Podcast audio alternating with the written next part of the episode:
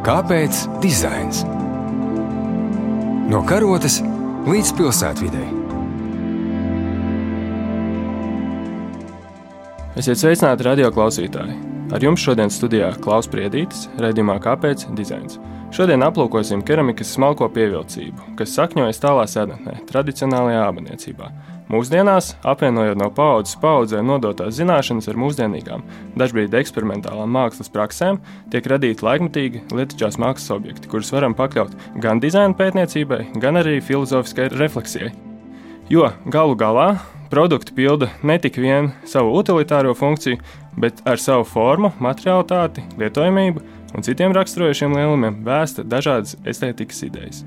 Tad nu kopīgi tajās centīsimies ielūkoties un lai šiem jautājumiem kopīgi meklētu atbildes pie mums viesojas keramikas darbnīcas Laima keramikas dibinātāja, keramiķe Laima Grigone. Sveicināti! Šķiet, eh, keramika nereti tiek saistīta ar veselu kodu kopumu, ko varētu likt zem vārda dzīves ziņa. Tā ir kāda um, noteikta attieksme pret dzīvi, tradīcijām, ieražām. Šajā gadījumā tā būtu keramikas dzīves ziņa. Kā tu sevi tajā atradi?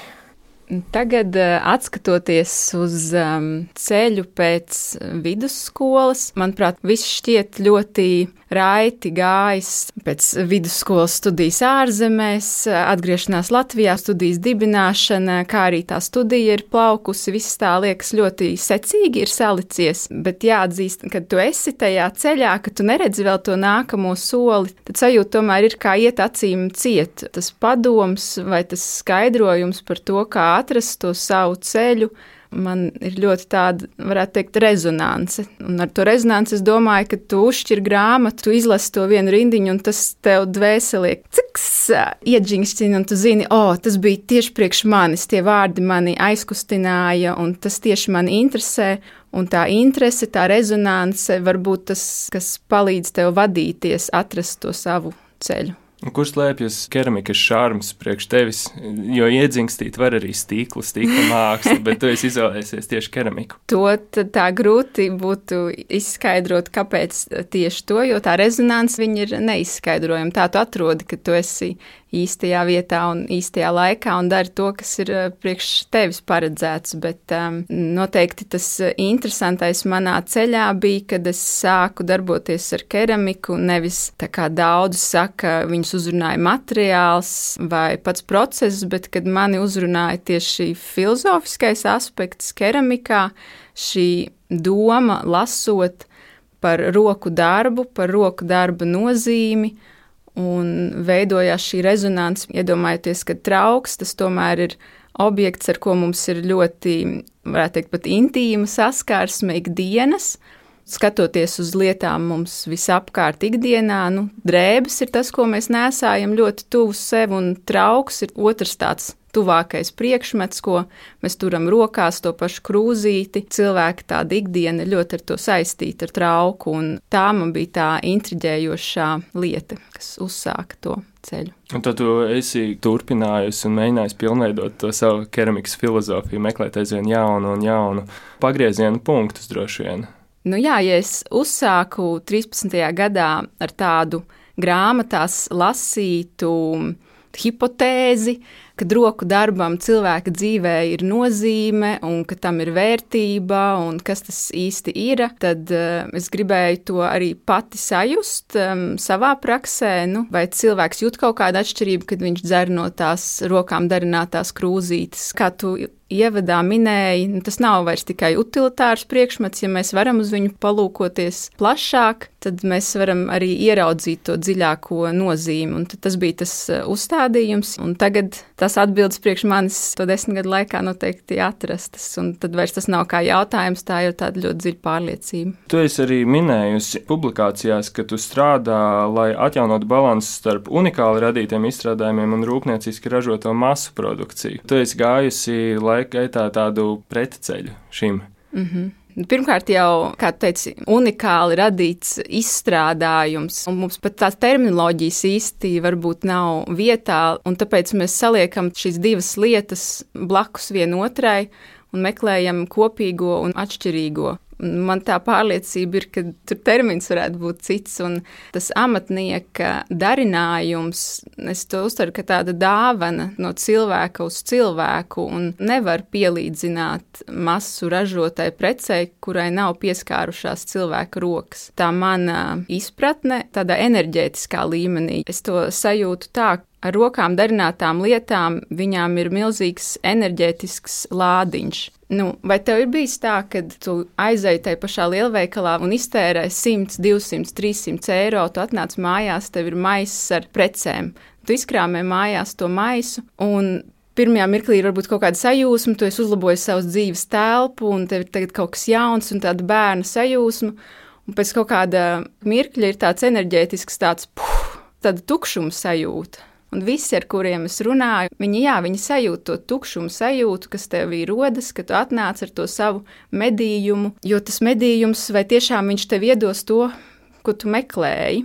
Man kaut kāda analoģija nāk prātā ar kolekcionārismu, jo es pats aizraujos ar kolekcionēšanu. Kolekcionāri meklē to, kas ir unikāls kuram ir kaut kāds laika zops bijis, kaut kāds defekts sākumā bijis. Tās, kas atšķirās no māsu produkcijas, tie ir tie iekārtas kaut kādi objekti. Un te nāk prātā arī tas princips, ko tu izmanto savā keramikā, vabī sabī, vai ne? Varbūt tu vari pastāstīt no Japāņiem aizgūtu estētiku, kuru tu izmanto arī radot nu, latvisku keramiku. Interesējoties par šo terminoloģiju, gari plaši viņa ir aprakstīta, bet um, viena lieta, kas minēta, ir tas, ka tu nevari pat iztulkot to terminu, jo tajā tulkojumā kaut kas noteikti pazudīs. Tāpēc mēs varam mēģināt paskaidrot cilvēkiem, kas to pirmo reizi varbūt dzird. Vabī tiek tulkots kā kluss skaistums, sabī tiek tulkots kā tāda novecojusi materialitāte, kā sarūsējusi virsma, piemēram. Mums Latviešiem tas arī ir kaut kas ļoti tuvs un varētu uzbūvēt tādu ainu. Tas klusais skaistums ir vasaras rītā, tu agrā izēj un ir tā migla un ir pļava. Tas skaistums nav skaļš aizbrauc pie jūras, tur kāda vēja apūsts namiņš, kur tas koks palicis pelēks un vējš ir izgrauzis to faktūriņu. Un tu skaties, tas namiņš nav dižens, bet viņā ir kaut kāds šarms, kaut kāda arī nostalģija. Tas varētu būt šis te vabī sabī. Tā ir arī kaut kāda māksla baudīt neperfekciju, jo tagad tu darbojies ar rokām, tad neizbēgami kaut kur ir kaut kāds gaisa burbulītis palicis. Kā tev ir ar šo neperfekciju? Vai tu esi perfekts? Perfekcionists savā keramikā, vai tu atļauj tai keramikai dzīvot tā, kā viņa nu, ir radusies? Es domāju, ka jā, liels spēks manā darbā tieši ir līdzsvars starp šo perfekciju un neperfekciju. Jo viens ir izdarīt darbu kvalitatīvi, un otrs ir arī gan kustībās, gan visā tajā uzskatā nesasprindзināties tik ļoti, neiespringt, nepiekasīties, jo tas var darbu arī samocīt un noķert noķert to perfekto līdzsvaru, nu, kad tas darbs ir kvalitatīvi izdarīts, tur nav tie gaisa burbulīši nav varbūt tās plaisas, bet ir tāda kustība brīvība un tāda gara brīvība jūtama tajā darbā, un to tu ieliec gan caur to savu domu, gan kustību. Kāpēc dizains?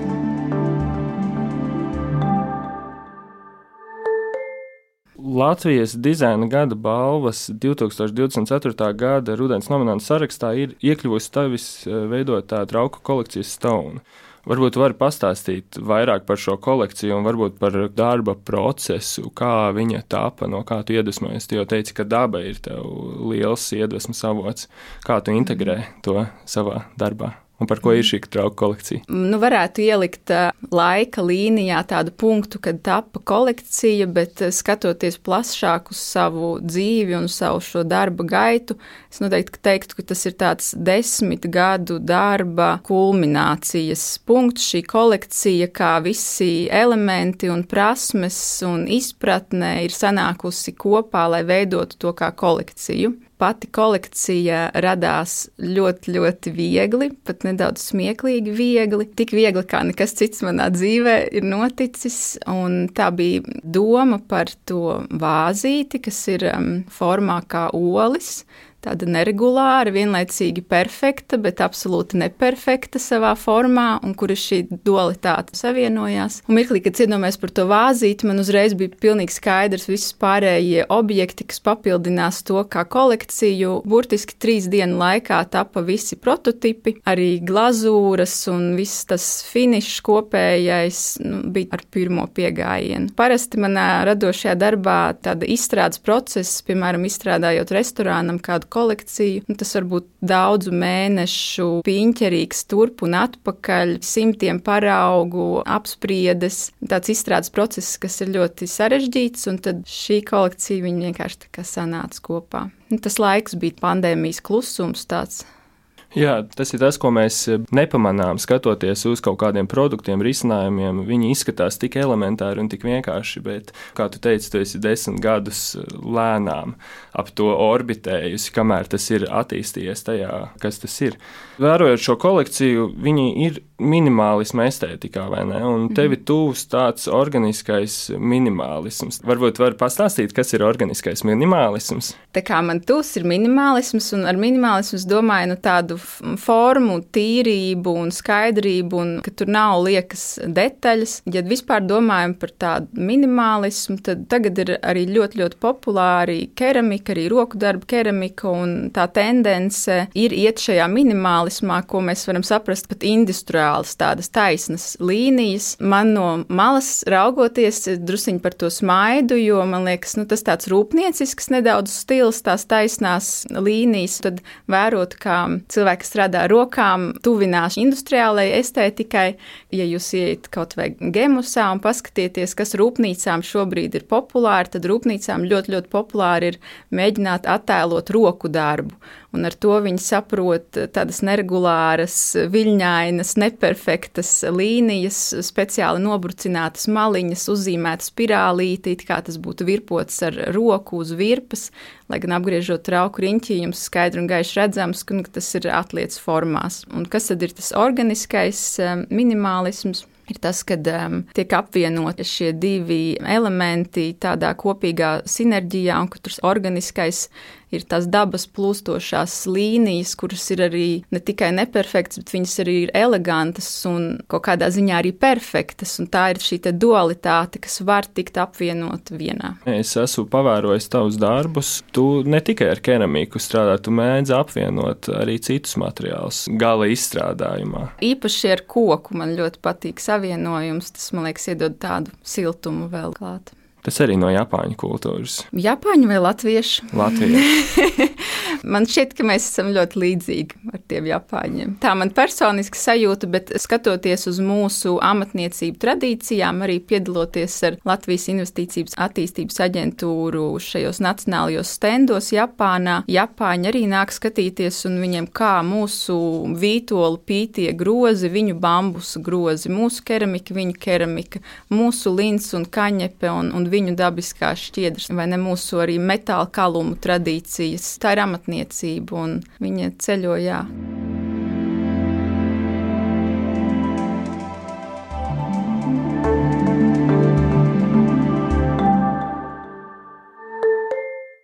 man ienāca prātā, gatavoties redzējumam, ka latviešiem ir tāda tendence izklāt goda galdautu svētku reizēs un izņemt mm. to servīzi svētku reizēs un tad 99% eh, laika viņa stāv sekcijā. Tā kā tu radi savus darbus, viņi ir domāti ikdienas lietošanai, vai viņi vairāk ir domāti nu, kā tāds eh, mākslas objekts, kur cilvēks priecē acis? Absolūti ir paredzēts, ka viņi ir aktīvi lietoti, ka viņi ir daļa no ikdienas. Nu, arī mēs strādājam ar restorāniem, tad nu, viņi ir paredzēti aktīvai lietošanai. Protams, šeit ir elements par nepieķeršanās māksla. Trauks ir trauks, un kaut kad iespējams viņš saplīsīs, bet nu, tie materiāli, ar ko mēs strādājam studijā, kas ir porcelāns, kas ir akmens masa, tā ir augsto grādu keramika. Viņi ir visizturīgākie no keramikas materiāliem. Tādējādi viņi ir paredzēti, lai dzīvotu kopā ar mums mūsu aktīvo dzīvi. Japāņiem arī ir tāds estētikas virziens, ka viņi salīmē saplēsto keramiku. Tu arī kaut ko tādu praktizē, ja mums saplīst tava keramikas krūze vai mēs varam viņu salīmēt pie tevis.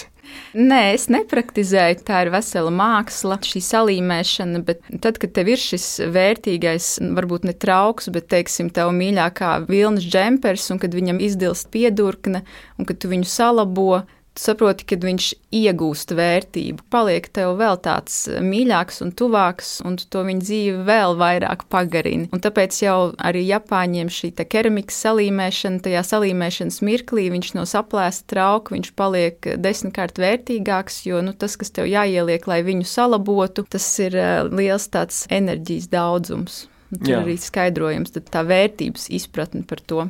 Tas ir tāds kā pretmets patērētāju kultūrai jo mēs jau esam pieraduši. Veikalā iegādājamies, izmetam relatīvi mm. agri, pēc tam atkal iegādājamies jaunas lietas. Tad ilgspējības principi arī ir tava darba sastāvdaļa. Jā, jā, un šeit mēs ar par ilgspējību runājot, eh, es skatos ļoti holistiskā veidā uz ilgspējīgas principu kā tādu, jo tā ir nu, visa šī mūsu pasaules uztvers jautājums. Nu, mēs varam runāt par to ilgspējību tādā praktiskā, ikdienišķā veidā, kas ir Mūsu studija balstās šajā small is beautiful, jeb mazs ir skaists sistēmas pārvaldīšanā, kas nozīmē, ka mēs pārstrādājam visus pārplikušos materiālus, mēs eh, rūpējamies par visām savām piegādes ķēdēm, neradam lieku preci, kas stāv tūkstošos noliktavās, lielākoties mazos apjomos uz pasūtījumu. Tas ir tādas praktiskās darbības, bet tā lielākā bilde, tā holistiskā bilde, domājot vispār par ilgspējīgu, ilgspējību kā tādu, tādu, ir arī visa šī attieksme pret dabu un tā cilvēka izpratne par to, kur tu esi dabā ka tu sajūti, ka zeme tevi mīl un ka tu miedarbojies ar zemi, un tad arī tās praktiskās darbības viņas nāk viegli un loģiski. Tu minēji, ka tev ir studija, darbnīca, un tu piedāvā arī atvērtās keramikas darbnīcas. Kā tu viņus vadi? Kāds ir tas vadīšanas process? Cilvēki atbrauc un tad tu ar viņiem runājies. Jā, tas bija uzstādījums no paša sākuma, no 13. gada, atverot studiju, ka tā ir atvērtā studija. Ļoti svarīgi man bija šīs atgriezeniskās saite ar cilvēkiem, runāt, skaidrot, um, veidot šo stāstu, šīs attiecības. Caur to izpratni arī veidojās tā vērtības uh, sajūta, arī strādājot ar zemi, vai ne visi, kas ir audzējuši jebko no zemītes, viņiem tās attiecības veidojās citādākas. Un, kad tu kā cilvēks pamēģini ar mālu sadarboties, tad tu sāc sajust to dziļumu tajā. Kā notiek um, darbnīcas. Tad mums ir ļoti plašs piedāvājums. Noteikti vērts apstīties mājaslapā. Mums ir gan ekskursijas, kur cilvēki brauc, es stāstu par visām šīm lietām. Ir arī darbnīcas, un tas piedāvājums mums ir ļoti plašs. Mēs cenšamies būt pieejami. Lielākoties mums brauc ģimenītes, arī ar bērniem, kas grib pamēģināt. Un tad ir šīs darbnīcas, kur ir iespēja pamēģināt uztaisīt kaut ko no vienas māla pikas ar rokām, sajust to materialitāti un procesu.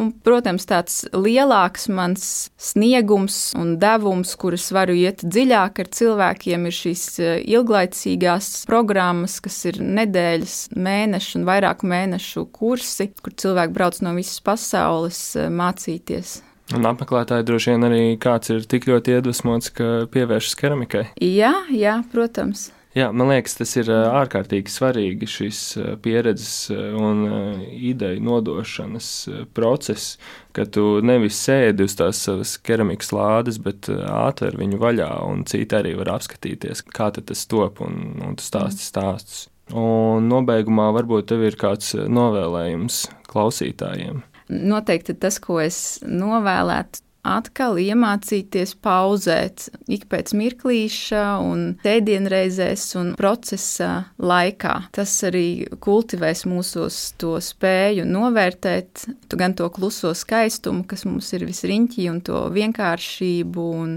ieraudzīt to vērtību tajās lietās un cilvēkos, kas mums ir visapkārt. Reizēm tā vienīgā lieta, kas pietrūkst, ir pauzes sajūta, ka tu vari ieelpot un paskatīties tā pa īstam tad to arī novēlu.